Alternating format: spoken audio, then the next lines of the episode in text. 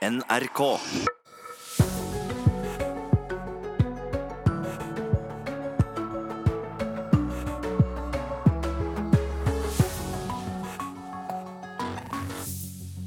Velkommen til eh, Nyhetsmorgen i NRK P2 Alltid nyheter og på NRK1. Som vi hørte, brannvesenet rykker nå ut eh, stadig oftere til tilfeller av hjertestans og sykdom. Og vi skal høre med en ordfører og deltidsbrannmann om hvordan de har taklet at de mistet ambulansen i Røyvik kommune i Trøndelag. Italias statsminister sa nå for ti minutter siden at det er vanskelig å si om EU-toppene vil bli enige i dag om en kandidat til å overta for Jean-Claude Juncker som EU-kommisjonens president. Så kanskje blir det enda et toppmøte. Vår europakorrespondent blir med i løpet av denne første halvtimen. Og Lan Marie Berg elsker bomringen like mye som sin egen sykkel. Vi møter Miljøpartiet De Grønnes byråd i Oslo, en av de mest kjente MDG-politikerne i landet, i Politisk sommerportrett. Dette er altså Nyhetsmorgen i NRK. og Det er 1. juli, det er sommer, og derfor begynner vi først klokken syv, men holder på til klokken ni.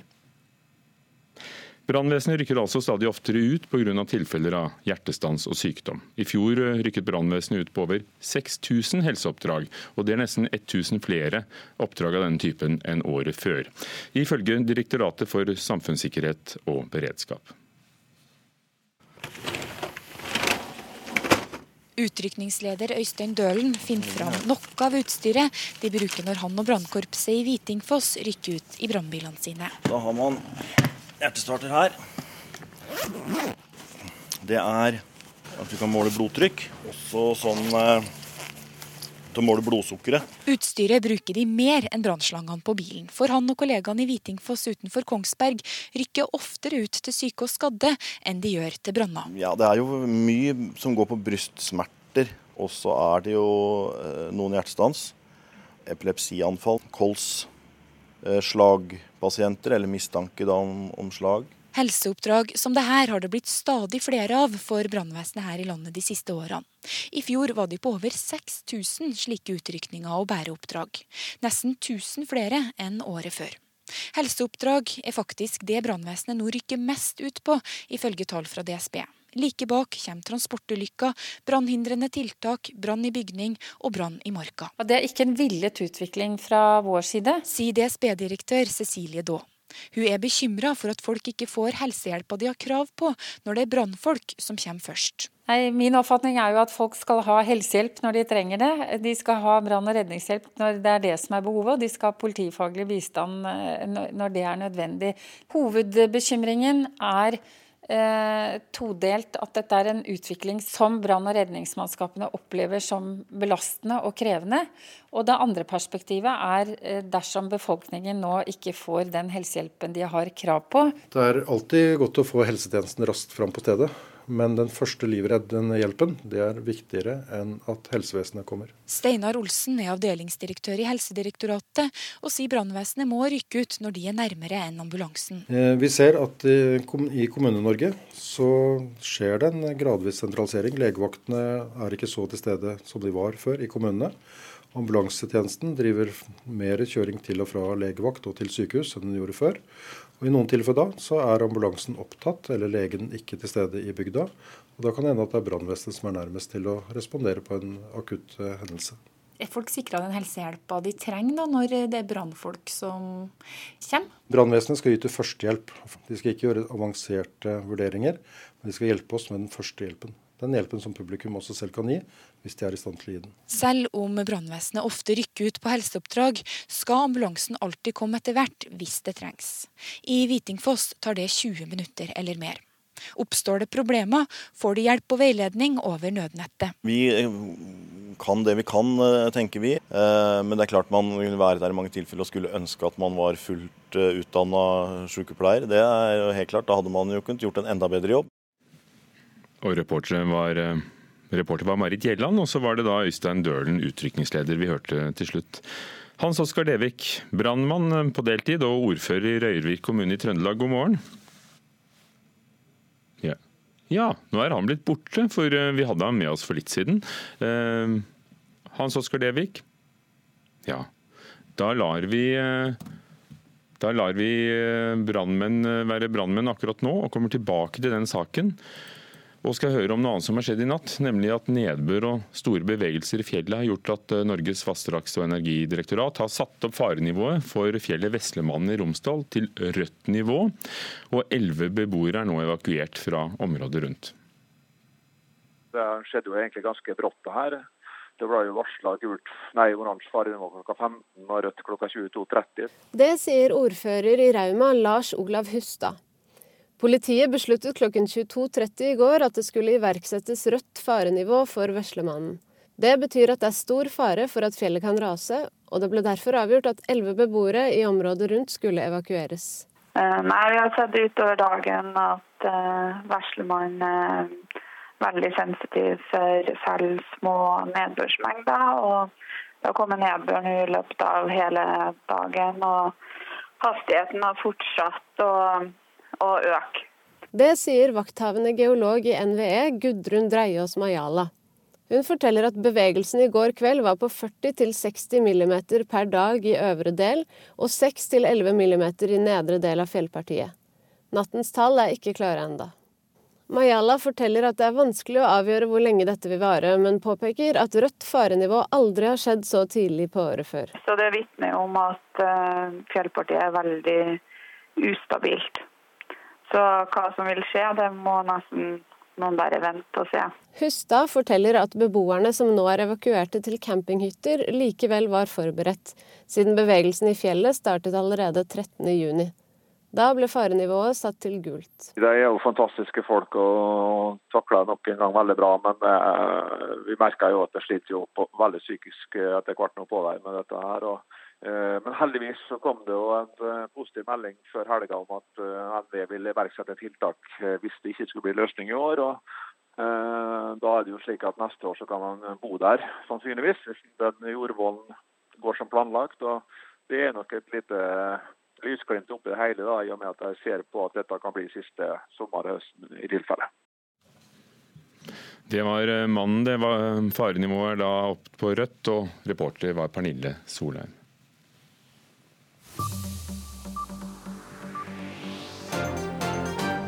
Dette har skjedd i natt. Det er altså igjen snakk om Veslemannen i Romsdal. Farenivået er rødt, og politimesteren har evakuert ni personer fra boligene rundt fjellet. Og Rødt betyr at eh, det er fare for at fjellet kan rase, og det kan ramme boliger, Europaveien og Raumabanen. Vassdrags- og energidirektoratet vil komme med to daglige varsler så lenge farenivået står på rødt, det første klokken ni. I Syria ble fire personer drept og over 20 skadde i et israelsk rakettåtak nær Damaskus. Det melder det statlige syriske nyhetsbyrået Sana. Raketter råka også Homs-provinsen. Ifølge menneskerettsorganisasjonen Syrian Observatory for Human Rights trefte rakettene flere iranske stillinger, et forskningssenter og en militær flyplass. I Hongkong har demonstranter sperret gater i protest mot den årlige markeringen av at Kina overtok Hongkong fra Storbritannia for 22 år siden. Opprørspoliti med hjelmer og skjold har angrepet demonstrantene med pepperspray og køller for å forhindre dem i å sette opp sperringene bl.a. av søppelspann. I tre uker har eh, demonstranter protestert mot lovforslaget som åpner for at fanger skal kunne utleveres til fastlandskina. Og dette er nyheter vi skal følge med på i løpet av dagen i NRK Nyheter. EU prøver fremdeles å finne ut av hvem som skal få de fem øverste stillingene i unionen. Siden i går ettermiddag har de 28 stats- og regjeringssjefene forhandla uten å bli samde, og forhandlingene de blir skildra som krevende. Firmaet Babcock overtar i dag oppdraget med å betjene de ni ambulanseflyene i Norge. Siden Babcock fikk kontrakten har det vært eh, en rekke strider, bl.a. om pilotenes lønns- og pensjonsforhold, og om selskapets flyflåte. I mai gikk 90 flygere til sak mot sin egen arbeidsgiver. God morgen, Hans Oskar Devik, brannmann og ordfører i Røyrvik i Trøndelag. Er du der? Ja, jeg er her. Morgen, morgen. Det var godt. Eh, vi hørte tidligere altså at eh, brannvesenet over hele Norge stadig oftere rykker ut på helseoppdrag. Det handler om hjertestans og, og andre akutte tilfeller. Eh, dere opplevde å miste ambulansen i, i Røyrvik. Hvordan har det påvirket dine brannfolk? Vi mista jo ambulansen eh, noen år tilbake her, og hovedårsaken til det det var jo at helseforetaket ikke greide å rekruttere kompetent personell til å bekle en eh, fullverdig eh, ambulansebil. Så Det var der historien vår starta. Det var jo absolutt ikke en ønska situasjon at vi, at vi skulle miste ambulansen. I forhold til å påvirke lokale brannfolk, så har jo vi prøvd et prosjekt her nå de siste tre årene. der at våre medisin- eller akutthjelpere, det er jo sykepleierne som vi har lært opp her i Rørvik. Så de blir med dere på oppdrag, da? De blir med oss ut på oppdrag, og de reiser også delvis ut alene. Men eh, vi som brannfolk og, og deltidskonstabler som eh, ikke har noe mye mer enn hvert fall den grunnleggende førstehjelpsopplæringa. Nå har vi fått litt ekstra påfyll nå i prosjektet, eh, men vi er brannfolk. og som kollegaen sa tidligere her, så det vi behersker stort sett er jo hjertestarter og å være litt bærehjelp. Vi er ikke helseutdanna. Men eh, det er blitt en helt annen trygghet da, med at vi har eh, til stad, stadig når det er et oppdrag, så kan vi få med oss eh, to sykepleiere ut på, på hendelsene. Er dette en løsning du som, som ordfører selv og, og, langvarig kommunepolitikk kan anbefale andre kommuner å se på, det å, å få hjelp av akuttsykepleiere til branntjenesten? Jeg skal være veldig forsiktig. Vi er nå fortsatt i et prøveprosjekt. Men jeg synes i hvert fall foreløpig så evaluerer vi det her og synes det det for vår del, med de avstandene vi har til sykehus og, eh, og litt avstand til nærmeste ambulanse, så i hvert fall vi, føler vi i Røyrvik at vi begynner å få tilbake tryggheten. og Det er det som er viktig. altså vi med, som sikkert mange andre, må prøve ut noen modeller her, men akkurat per nå så synes vi at vi vært med og funnet noe som jeg tror vil fungere for oss. Vi har jo to timer til nærmeste sykehus, og ambulansen han er minst en halvtime unna. sånn at Det er om veldig lang tid før vi har en pasient inn til et sykehus. Men Vi hørte altså Direktoratet for uh, samfunnssikkerhet og beredskap si at alle skal få den hjelpen de trenger. Om det, så, om det er medisinsk, så er det den de skal få. Er det godt nok ivaretatt, uh, selv om dere da har trappet opp den innsatsen brannvesenet kan yte?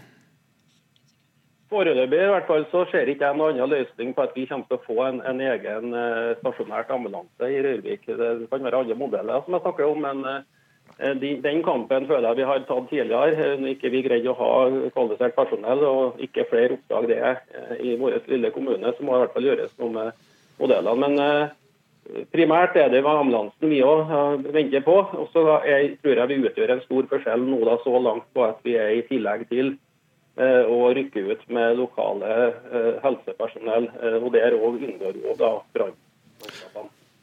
Takk skal du ha, Hans Oskar Levik, ordfører i Røyrvik i Trøndelag. og Om en times tid så har vi med oss det tidligere Kommunenes sentralforbund, altså kommunenes interesseorganisasjon KS, for å se landet under ett og hva kommuner skal gjøre når det er brannvesenet som må rykke ut på helseoppdrag.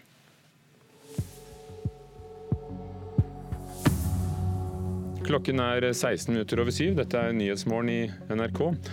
Som vi hørte, brannvesenet rykker stadig oftere ut på oppdrag til slag, hjertestans og sykdom, og oftere enn brann i bygninger og i marka. Mye nedbør har ført til store bevegelser i fjellet Mannen i Rauma i Møre og Romsdal. Farenivået er nå satt opp til rødt. Og Italias statsminister sier i morgentimen i dag at det er vanskelig å si om EU-toppene vil bli enige i dag om en kandidat til å overta vervet som EU-kommisjonens president etter Jean-Claude Juncker. Miljø- og samferdselsbyrådet i Oslo, Lan Marie Berg, elsker bomringen i hovedstaden like mye som sin egen sykkel. Det sier hun selv til Politisk kvarters sommerportrett, som vi sender litt senere i Nyhetsmorgen. Etter at det eh, for ikke lang tid siden ble satt opp over 50 nye bomstasjoner i hovedstaden, har eh, motstanden mot disse seilt opp som en av de viktige valgkampsakene. Berg avviser at MDGs politikk går hardest utover de fattige byen, men hevder tvert imot at den er mest rettferdig for dem med dårlig råd. Og det får førstekandidat for Rødt i Oslo, Eivor Evenrud, til å reagere. Politikken vår er eh, mer rettferdig for de som har dårlig råd. Um, F.eks. så går jo um, aller meste av bompengene i Oslo går jo til kollektivtransporten, som er det som de aller fleste bruker uh, i byen vår, og som også er det som de som ikke har råd til bil, kan bruke. De siste fire årene har Lan Marie Berg vært Oslos byråd for miljø og samferdsel. Hun elsker bomringen, men avviser at politikken deres går hardest utover de som har minst å rutte med. Tvert imot mener hun at den er nettopp best for de med dårlig råd.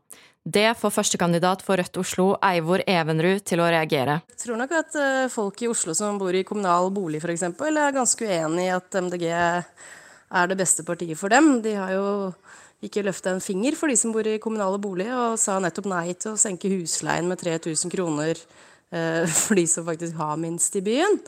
Eh, og så er det jo en kjent sak at eh, tverrforbindelsen i Groruddalen og at T-banen også altså stadig Det bygges i vest hele tiden på T-banelettet. Så at de er partiet for dem med dårligst råd, det tror jeg nok ikke de har oppslutning for hos folket rundt omkring i byen, altså.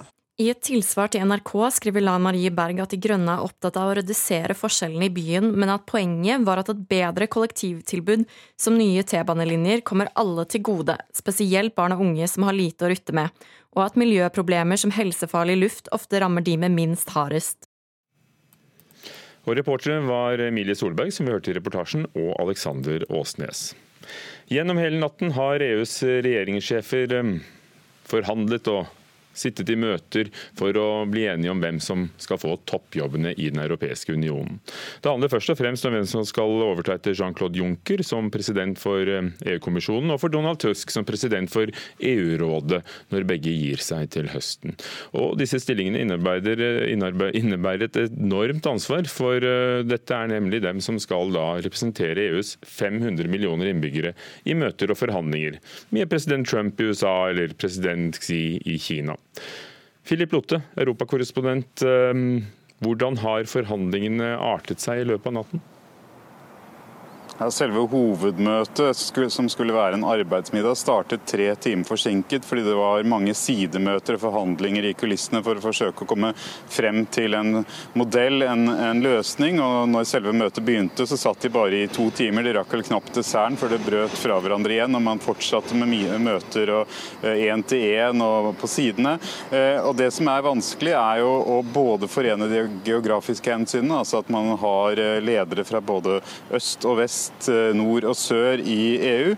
Eh, og også å finne eh, ut om hva slags prosess man skal ha. fordi at Merkel har jo lagt vekt på at vil ha, hun vil ha en kandidat som representerer én av de store partigruppene i EU-parlamentet, som er utnevnt av de, mens Macron har sagt at man må plukke den som er best egnet. Og de har da ikke lykkes i løpet av natten å bli gjennom akkurat hva slags pakke, med hva slags kabal med ledere som de skal kunne presentere. Dette møtet som er nå, er jo allerede et ekstra toppmøte for å få det til. og Man kunne jo kanskje trodd at de hadde eh, gjort litt sonderinger i forkant, eh, slik at de kunne møtes allerede ganske vel forlikte. Men hvorfor er det da så, så vanskelig at de, de verken klarte det, eller å bli enige i løpet av møtets første dag eller natt? Det som blir sagt at Under G20-møtet i Osaka så de, kom de fram til det som ble kalt sushipakken, eller sushiforliket, eh, hvor EU-kommisjonspresidenten skulle bli Frans Timmermans fra Nederland, eh, mens eh, de konservatives kandidat, som et plaster på såret, Manfred Weber, skulle få, bli, eh, skulle få lov til å bli president for EU-parlamentet. Eh, men så har dette møtt protester fra den konservative gruppen, som sier at de er størst. De, de er, sier at det er ikke gitt at de vil backe en slik løsning når EU-parlamentet kommer sammen faktisk eh, i dag, for første gang etter EU-valget. Eh, og så er også en del østeuropeiske land dypt skeptiske til eh, Frans Timmermans. Han har vært veldig kritisk til f.eks. Ungarn og Polen, og kritisert dem på vegne av EU om hvordan de undergraver rettsstaten, som er et prinsipp som da EU selvsagt bygger på som en demokratisk institusjon.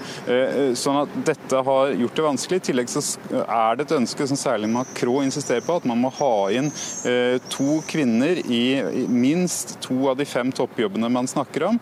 Eh, og Det har de da foreløpig ikke klart. og Det gjør f.eks. at man fremdeles snakker om den meget sterke kandidaten Margrethe Vestager fra, fra Danmark. Så, så kan du da oppsummere, hvem er hovedkandidatene vi skal merke oss?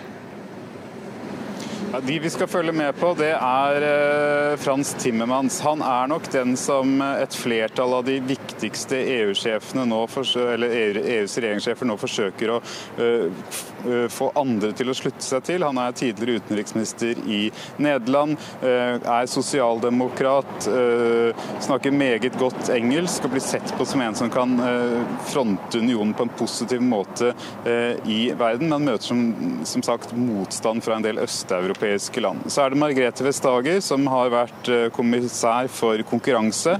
Eh, handlekraftig har ilagt Yahoo, Amazon og Apple store bøter og skatter for, fordi de da har brutt med EUs regler. Hun blir sett på en egnet person til å være den første kvinnelige presidenten for EU-kommisjonen noensinne.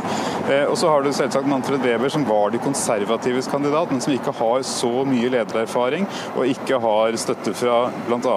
Eh, Emmanuel Macron. Så eh, dette er noen av navnene, så kan det komme inn andre fra, fra sidelinjen. Men de jobbene vi snakker om, er da eh, i hovedsak president for EU-kommisjonen, president for EU-rådet etter Donald Tusk, men også utenrikssjef og sentralbanksjef. Så det er flere jobber her. Og så er det jo da også jobben som president for EU-parlamentet. og Den skal jo da helst EU-parlamentet selv bestemme hvem som skal få, men det er også en del av kabalen. Og så fortsetter møtene i dag i Brussel. Utover dagen. Takk skal du ha. Philip Lothe, europakorrespondent. I Hongkong har det vært nye sammenstøt mellom politiet og demonstrantene. Demonstrantene sperret eh, veier og gater for å protestere mot den årlige markeringen at det er 22 år siden Storbritannia overleverte Hongkong til Kina.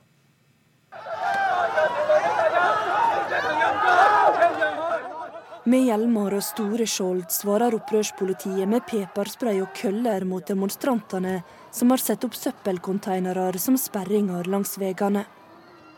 I flere veker har folk i Hongkong demonstrert mot et lovforslag som åpner for utlevering til Kina. De store protestene har gjort at lovforslaget til slutt ble lagt på is. Men demonstrasjonene holder fram, og er nå retta mot Kina og de som styrer i Hongkong. Hong Kongers, it is our obligation to do this. We are protecting our home. The rule of law is the last firewall between us and. Det er vår plikt å verne om det som er vårt, sier Jack, en av demonstrantene. Han er redd for at lovendringer skal fjerne det han kaller den siste brannmuren mellom folket og kommunistpartiet i Kina.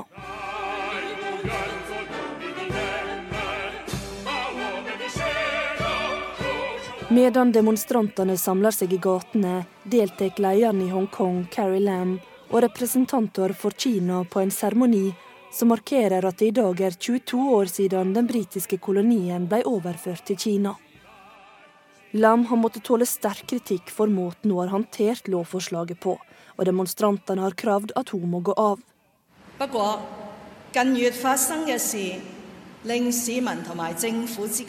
I ei tale i dag sa hun at protestene har lært henne at hun må lytte mer til folket.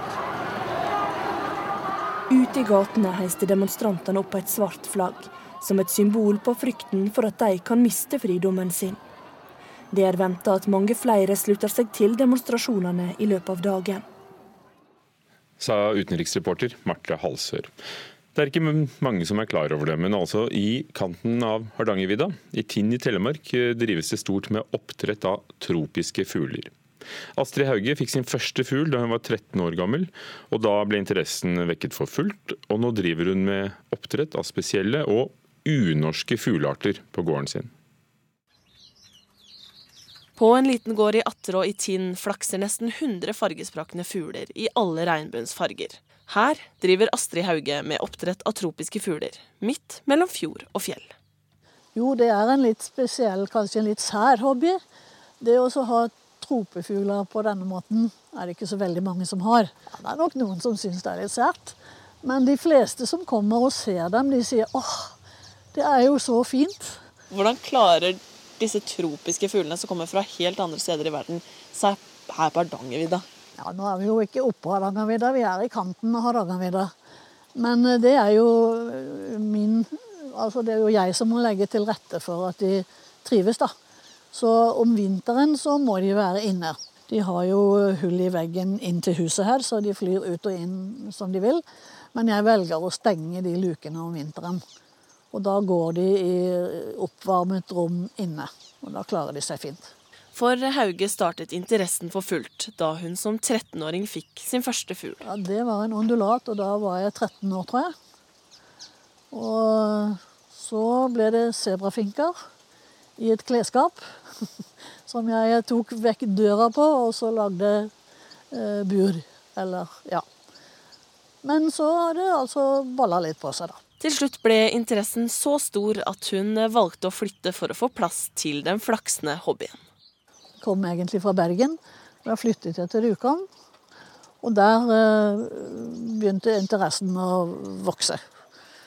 Men så ble det for liten plass der jeg bodde der. Og da kjøpte jeg det stedet her for 28 år siden. Og det var først da jeg fikk anledning til å utvide og bygge store innhegninger, eller voljerer. For selv om Hauges interesse for de tropiske fuglene er stor, er det generelt lite interesse for slike fugler på landsbasis. Og rik på oppdretten, det blir hun ikke. Det blir man ikke rik på, det kan jeg garantere det. Ikke i det hele tatt. Til tross for at fuglene verken bor i Australia eller i Afrika. Men i en stor innhegning midt i Norge kan Hauge forsikre om at fuglene lever godt. De er nok oppdrettet i fangenskap gjennom mange generasjoner. Men de har beholdt sine naturlige egenskaper, naturlige instinkter. Og jeg pleier å si at gleden min ved å ha disse fuglene, det er at de skal få utfolde seg fritt, til tross for fangenskapet. Og Derfor har jeg dem i store voliærer, som det heter på språket vårt. da. Store voliærer er altså anbefale ifølge, ifølge Astrid Hauge, som eh, driver med oppdrett av eksotiske fugler i Telemark. Reporter var Julie Anda Hovland. I vårt politiske sommerportrett skal vi møte en av Miljøpartiets mest kjente politikere, byrådet i Oslo, Lan Marie Berg. Og marinbiologen møter vi etter Dagsnytt, som forteller oss alt om brennmaneter, og om vi kan gjøre noe hvis vi først har møtt en i badevannet.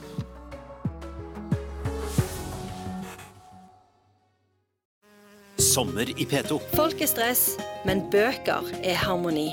Jeg heter Janne Stigen Drangsholt, og i mitt sommer i P2 skal jeg hjelpe deg å finne en sti i skogen av bøker som kan lede deg fram til den perfekte sommerlektyren. Sommer i P2. I dag klokka ni.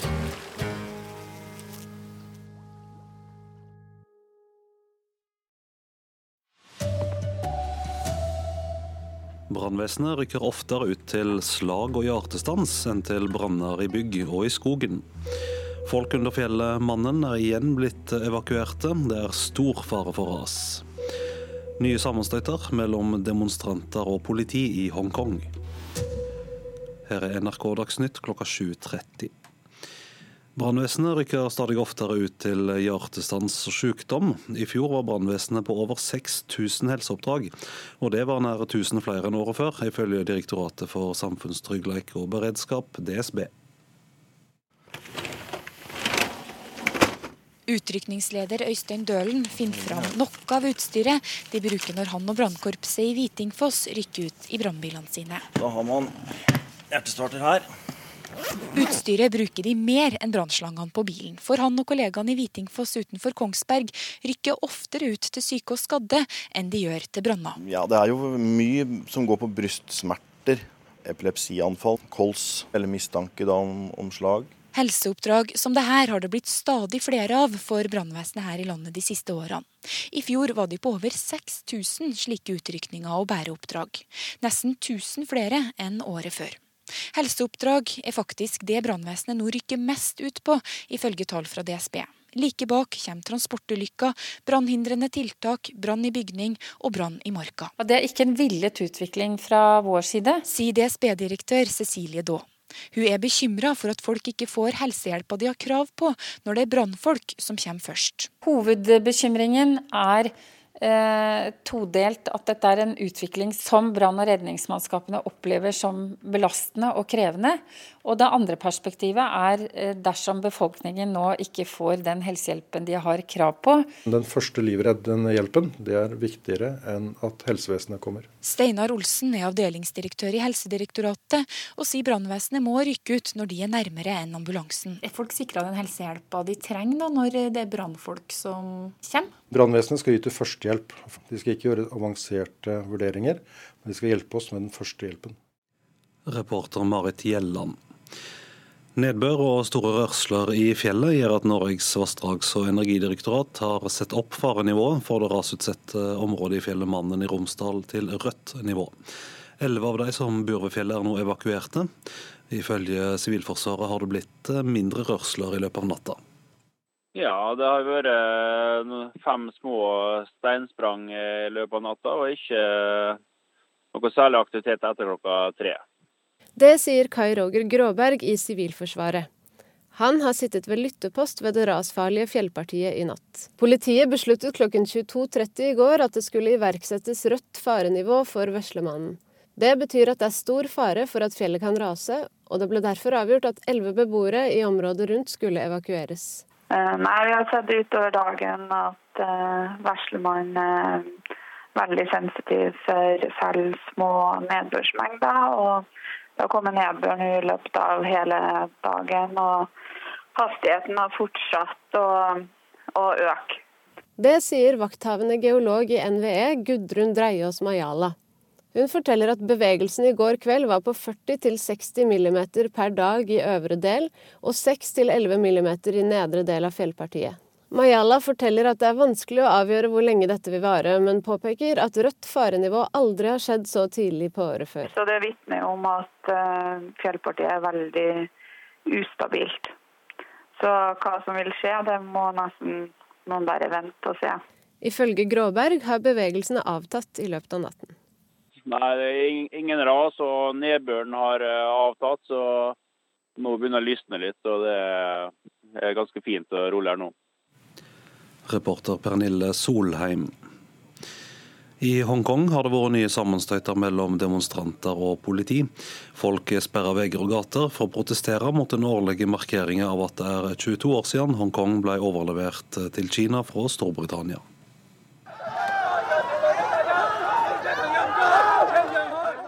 Med hjelmer og store skjold svarer opprørspolitiet med peparspray og køller mot demonstrantene som har satt opp søppelkonteinere som sperringer langs veiene.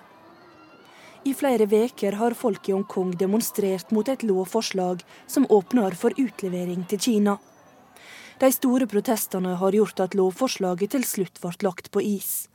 Men demonstrasjonene holder fram, og er nå retta mot Kina og de som styrer i Hongkong.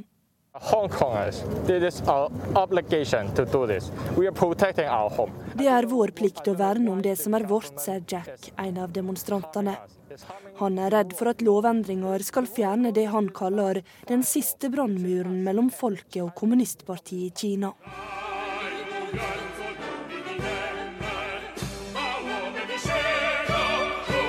Medan demonstrantene samler seg i gatene, deltar lederen i Hongkong, Carrie Lam, og representanter for Kina på en seremoni som markerer at det i dag er 22 år siden den britiske kolonien ble overført til Kina. Lam har måttet tåle sterk kritikk for måten hun har håndtert lovforslaget på, og demonstrantene har kravd at hun må gå av.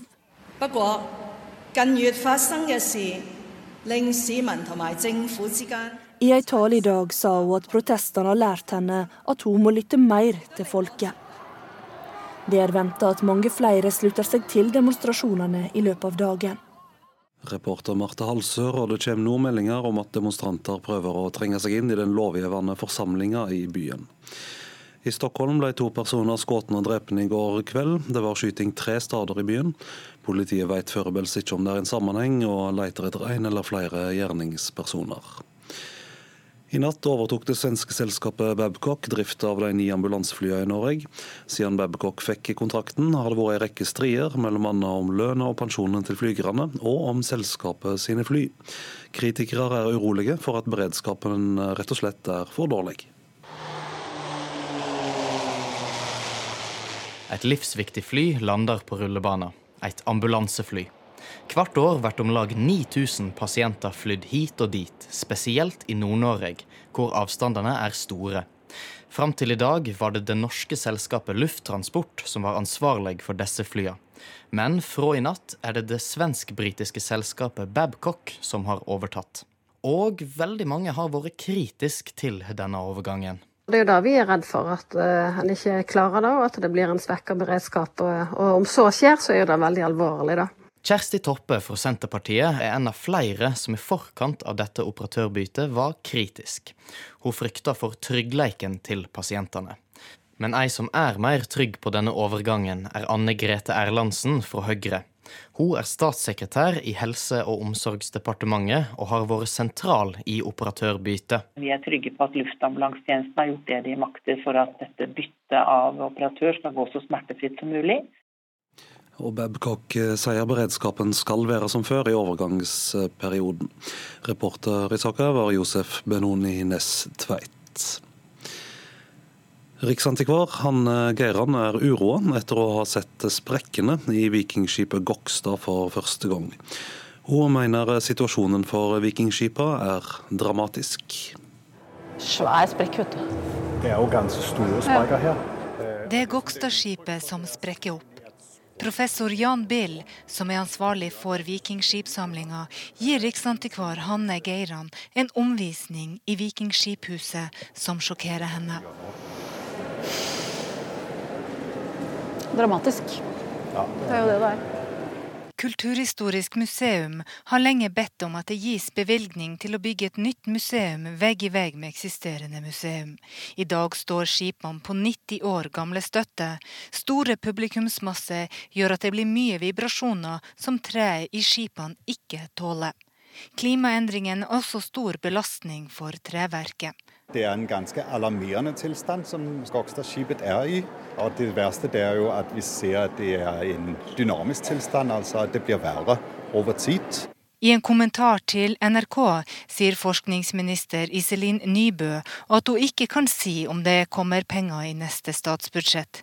Det blir ikke gitt noe i revidert.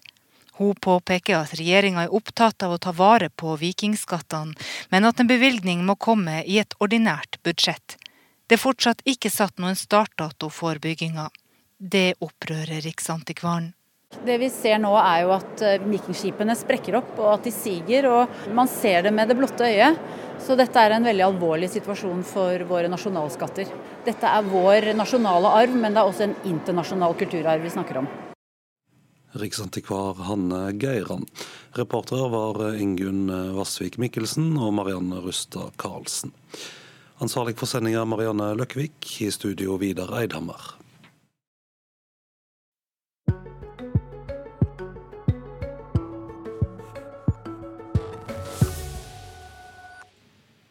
En av de mange tingene som får oss til å forstå at det virkelig er blitt sommer, er at Politisk kvarter eh, ikke lenger går direkte her i Nyhetsmorgen, men eh, byr på politiske sommerportretter som nå. Og det skal handle om bompenger, for å ta et hett politisk tema. Motstanden mot bompenger seiler opp som en av de store valgkampsakene i flere byer. Vi har hørt mye om Bergen, men eh, i hovedstaden så kom det nylig flere enn 50 nye bomstasjoner. Og byråd for miljø og samferdsel i Oslo, Lan Marie Berg fra Miljøpartiet De Grønne, er imidlertid en som sier at hun elsker bomringen like mye som sin egen sykkel. Reporter Alexander Åsnes fulgte med da Berg, en av Norges mest kjente MDG-politikere, la ut på en trilletur langs Alnaelva i Oslo.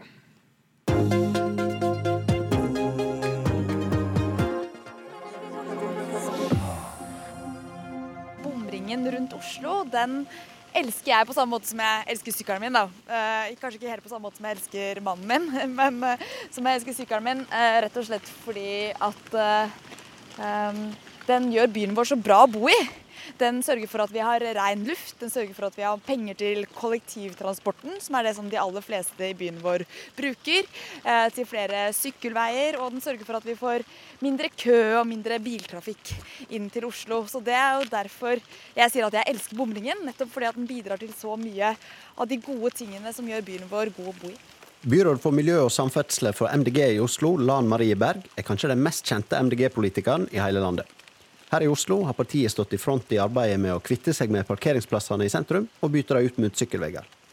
Det har òg blitt satt opp mer enn 50 nye bomringer nylig, og nå seiler motstand mot bompenger opp som en av de store valgkampsakene både i hovedstaden og i mange andre byer.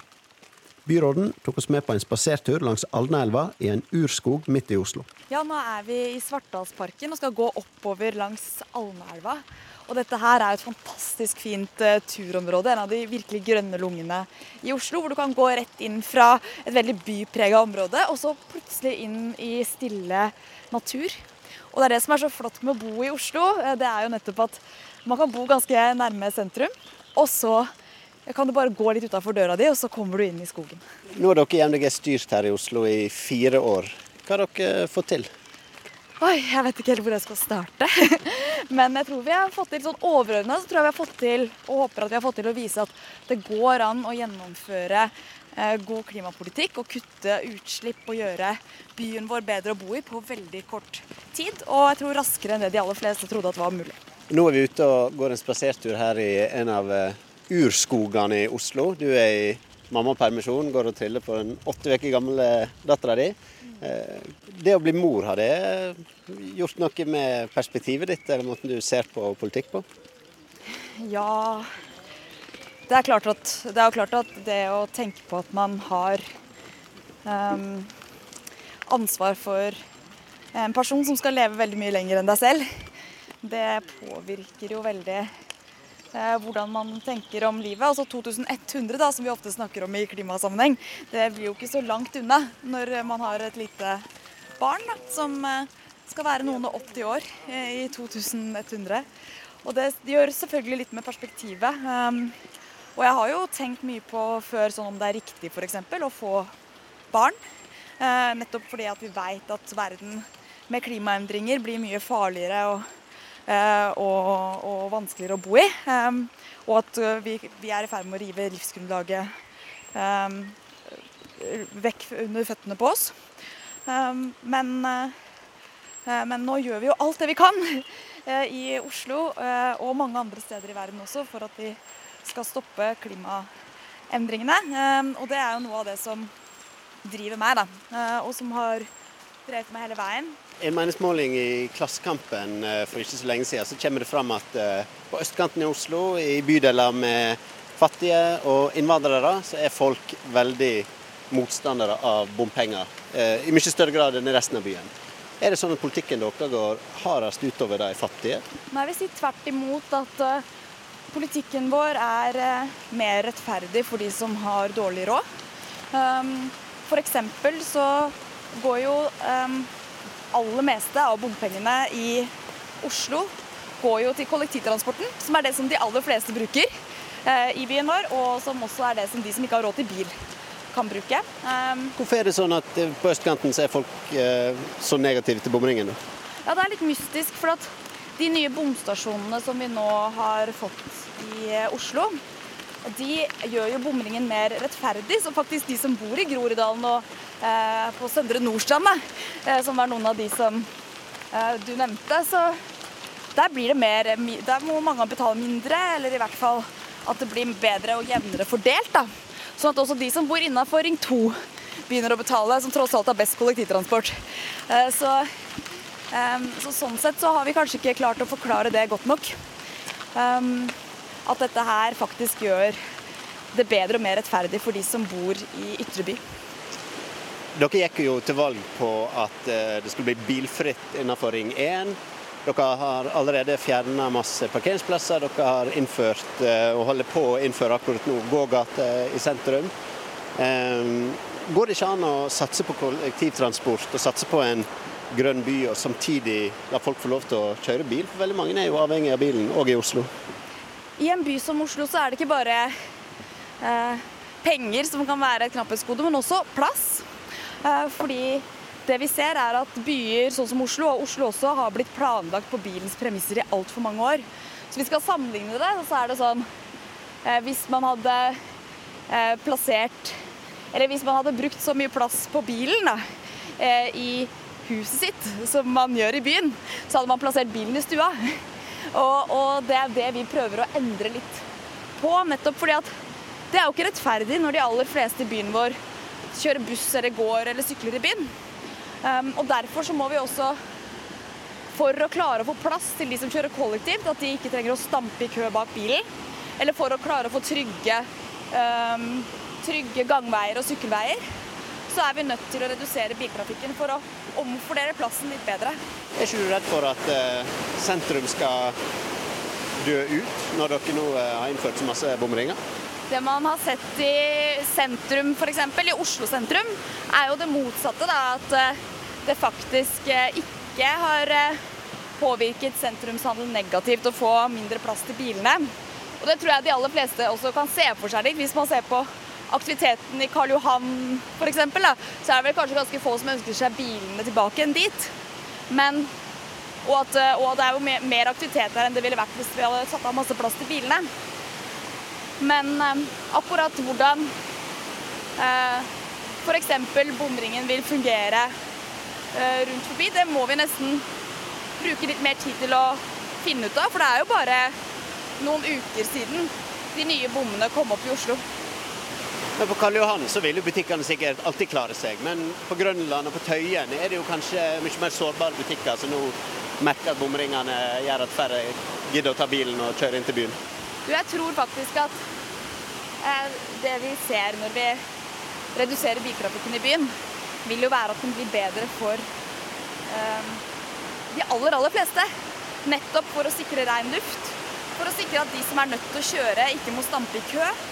Eh, og for å sikre at vi får nok penger til kollektivtransporten som de aller fleste tar. Og så eh, vil jo faktisk ganske mange av de som kjører i Oslo i dag, betale mindre enn det de gjorde før.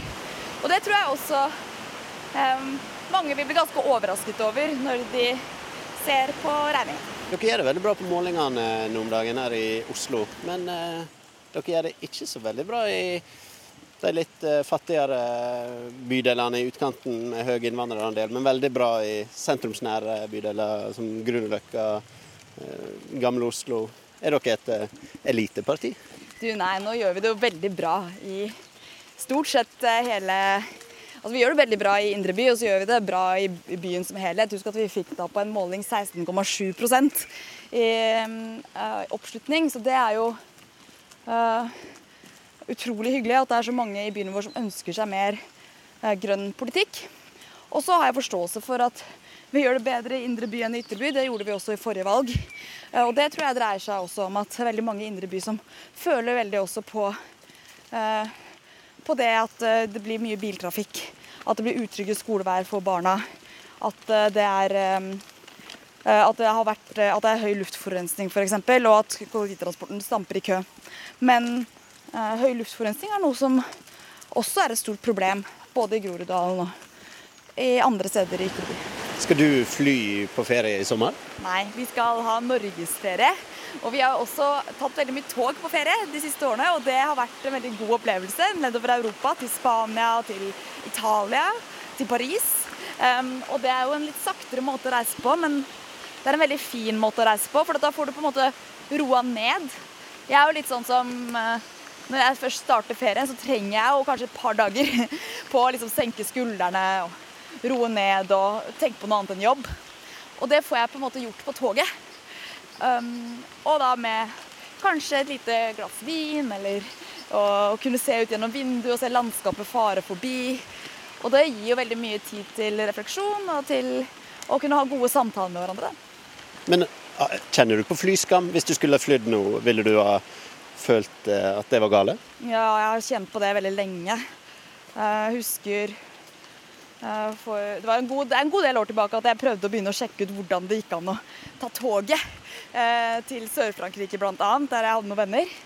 Og, um, og, det var jo veldig vanskelig å finne ut av. Og, det, det, da skjønner jeg jo at folk ikke tar det steget, for det tar både lengre tid, det er dyrere, det tar, det tar lang tid å finne ut av. Og noen ganger så kan det føles ut litt som man stryker på en IQ-test fordi man har lyst til å leve miljøvennlig. Og sånn skal det jo ikke være, og det er derfor vi i Norge må bygge ut togtilbudet bedre. For vi vet jo at um, altså f.eks. tre av de, av, av de mest flydde rutene i Europa, det er innlandsruter i Norge. Mellom våre største byer.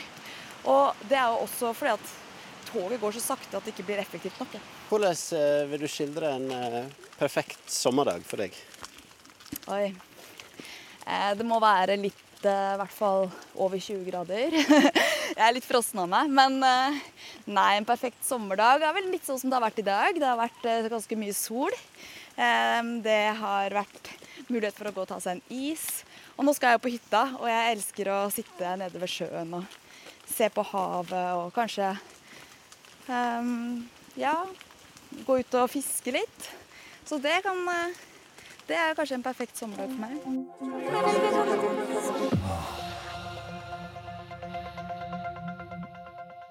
Alexander Åsnes traff Lan Marie Berg på trilletur langs Alnaelven i Oslo i Politisk sommerportrett. Det var noen år Ja, det er ikke Der kom den, Trude Luten.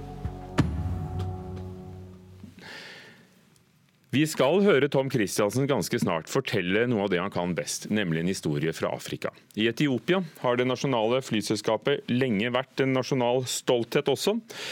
Og dessverre har Ethiopian Airlines vært mye i nyhetene siden ulykken i mars, da et Boeing 737 Max 8-fly styrtet rett etter landing. Men det ligger en historie bak disse vingene, som har forbindelse til Norge, til nasjonsbygging og norsk sjokolade. Det var noen år etter den annen verdenskrig. Europa slikket sårene, og Afrika prøvde å reise seg. I Etiopia hersket keiser Haile Selassie, og blant alt nyttig landet trengte, var også et flyselskap. Det hadde ikke Etiopia råd til, så keiseren ba USA, Storbritannia og Frankrike om hjelp. Det fikk han, og rundt 1950 kjøpte det nystartede Ethiopian Airlines tre DC-treere, og de hørtes slik ut.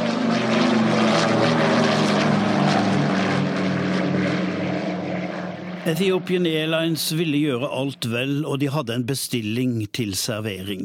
På sine flyvninger rundt i landet og etter hvert i nabolandene serverte de sin egenproduserte etiopiske kaffe, men de ville at passasjerene skulle ha noe godt til kaffen, en sjokoladebit. Temaet om sjokoladene må på en eller annen måte ha blitt brakt på bane i 1954, for da kom keiser Haile Selassie til Oslo Oslo med en stor delegasjon.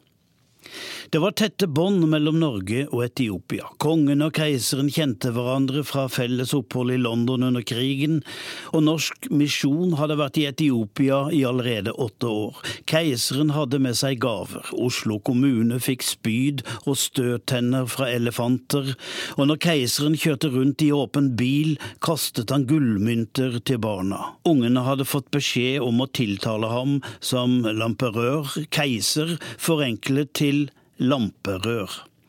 Det må ha vært da det skjedde. Ethiopian Airlines ledelse henvendte seg til Freia sjokoladefabrikk for å høre om de kunne levere sjokoladebitene hygienisk innpakket. Selveste sjokoladedirektøren Harald Trone Holst var med på forhandlingene, og kom på at de jo hadde en gammel maskin fra 20-tallet som kunne vri endene av papiret for innpakking av sjokolade. Den ble hentet fram og tørket støv av, så kunne produksjonen sette i gang. 16 typer sjokolade ble tvinnet inn i papiret, her var både drops og sjokoladetrukne karameller, lekkeriet havnet etter hvert på de små flybordene om bord i Ethiopian Airlines. Etter en tid ble SAS interessert og skaffet seg de samme sjokoladebitene. Det var dyrt å pakke inn alle disse sjokoladene. Maskinen greide bare 60 biter i minuttet, men sjokoladedirektøren fikk en idé. Kunne man fylle alle disse fargerike småsjokoladene i en pose og selge dem for en god pris på markedet? Han bestemte selv hva posen skulle hete, den burde vel hete Twist, oppkalt etter tvistemaskinen som pakket godteriet. Den ble lansert i 1958. Kokos og lakris er de eneste bitene som har vært i posen siden. Bitene skiftes annethvert år. Så kom en dans med samme navn.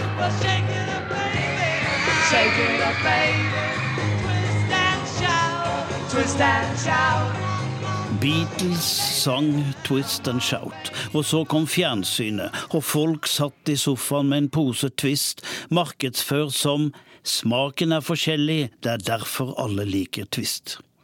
Men Twist er ikke for alle. I fjor endret de oppskriftene, og posen inneholder nå sjokolade med animalsk gelatin. Dermed strøk det mosaiske trossamfunn Twist fra lista over koshermat.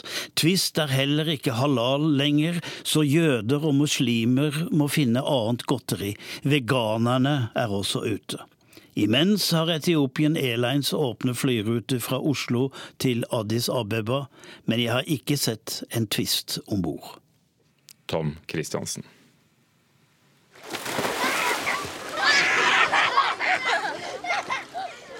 Hvordan gjør du det? Stikker du tærne forsiktig uti og unngår skjell og steiner mot foten, eller stuper du rett i det? Badesesongen er i gang, og med det frykten for brennmaneter. Flere steder i Norge har den dukket opp i hopetall allerede. Tone Falkenhaug, marinbiolog og forsker ved Havforskningsinstituttet. Blir det en manetsommer? Ja, hei, Det er litt vanskelig for oss å spå. Vi har dessverre ingen pålitelig metode for å forutsi hvordan manetsommeren skal bli. Men vi har observert at det er mye maneter langs kysten i sør akkurat nå.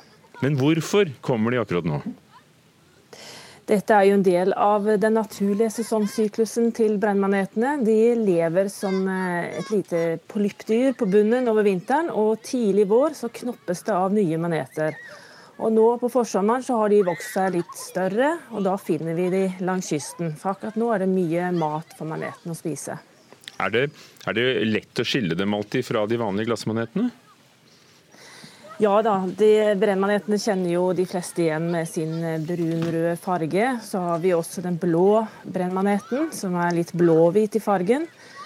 Og glassmanetene de er jo helt eh, gjennomsiktige. Nå brenner ikke glassmanetene noe særlig, men eh, de har faktisk tentakler som kan brenne de også, hvis man tar de mot leppene f.eks. Ja, for det var den blåhvite jeg tenkte på som kunne være litt, litt utfordrende å skille fra, fra, glassmaneten. Men bortsett fra å være til irritasjon for badegjester, hvilken funksjon har de i, i det egentlige økosystemet i havet? Ja, Brennmanetene og alle maneter er jo en del av økosystemet. og Bare det er jo en viktig funksjon. De spiser små dyreplankton og er selv mat for større dyr. Eh, F.eks. en del fiskearter og eh, havskilpadder de spiser maneter. Så sånn sett så er jo maneter de bidrar til karbonomløpet i havet. Så vi skal være glad i dem, altså? Ja, de er jo eh, en del av systemet, akkurat som alle andre dyr. Mm. Selv om det er litt ubehagelig for oss, så er de vakre å se på. Takk skal du ha, Tone Falkenhaug ved Havforskningsinstituttet. Dette er Nyhetsmorgen i NRK.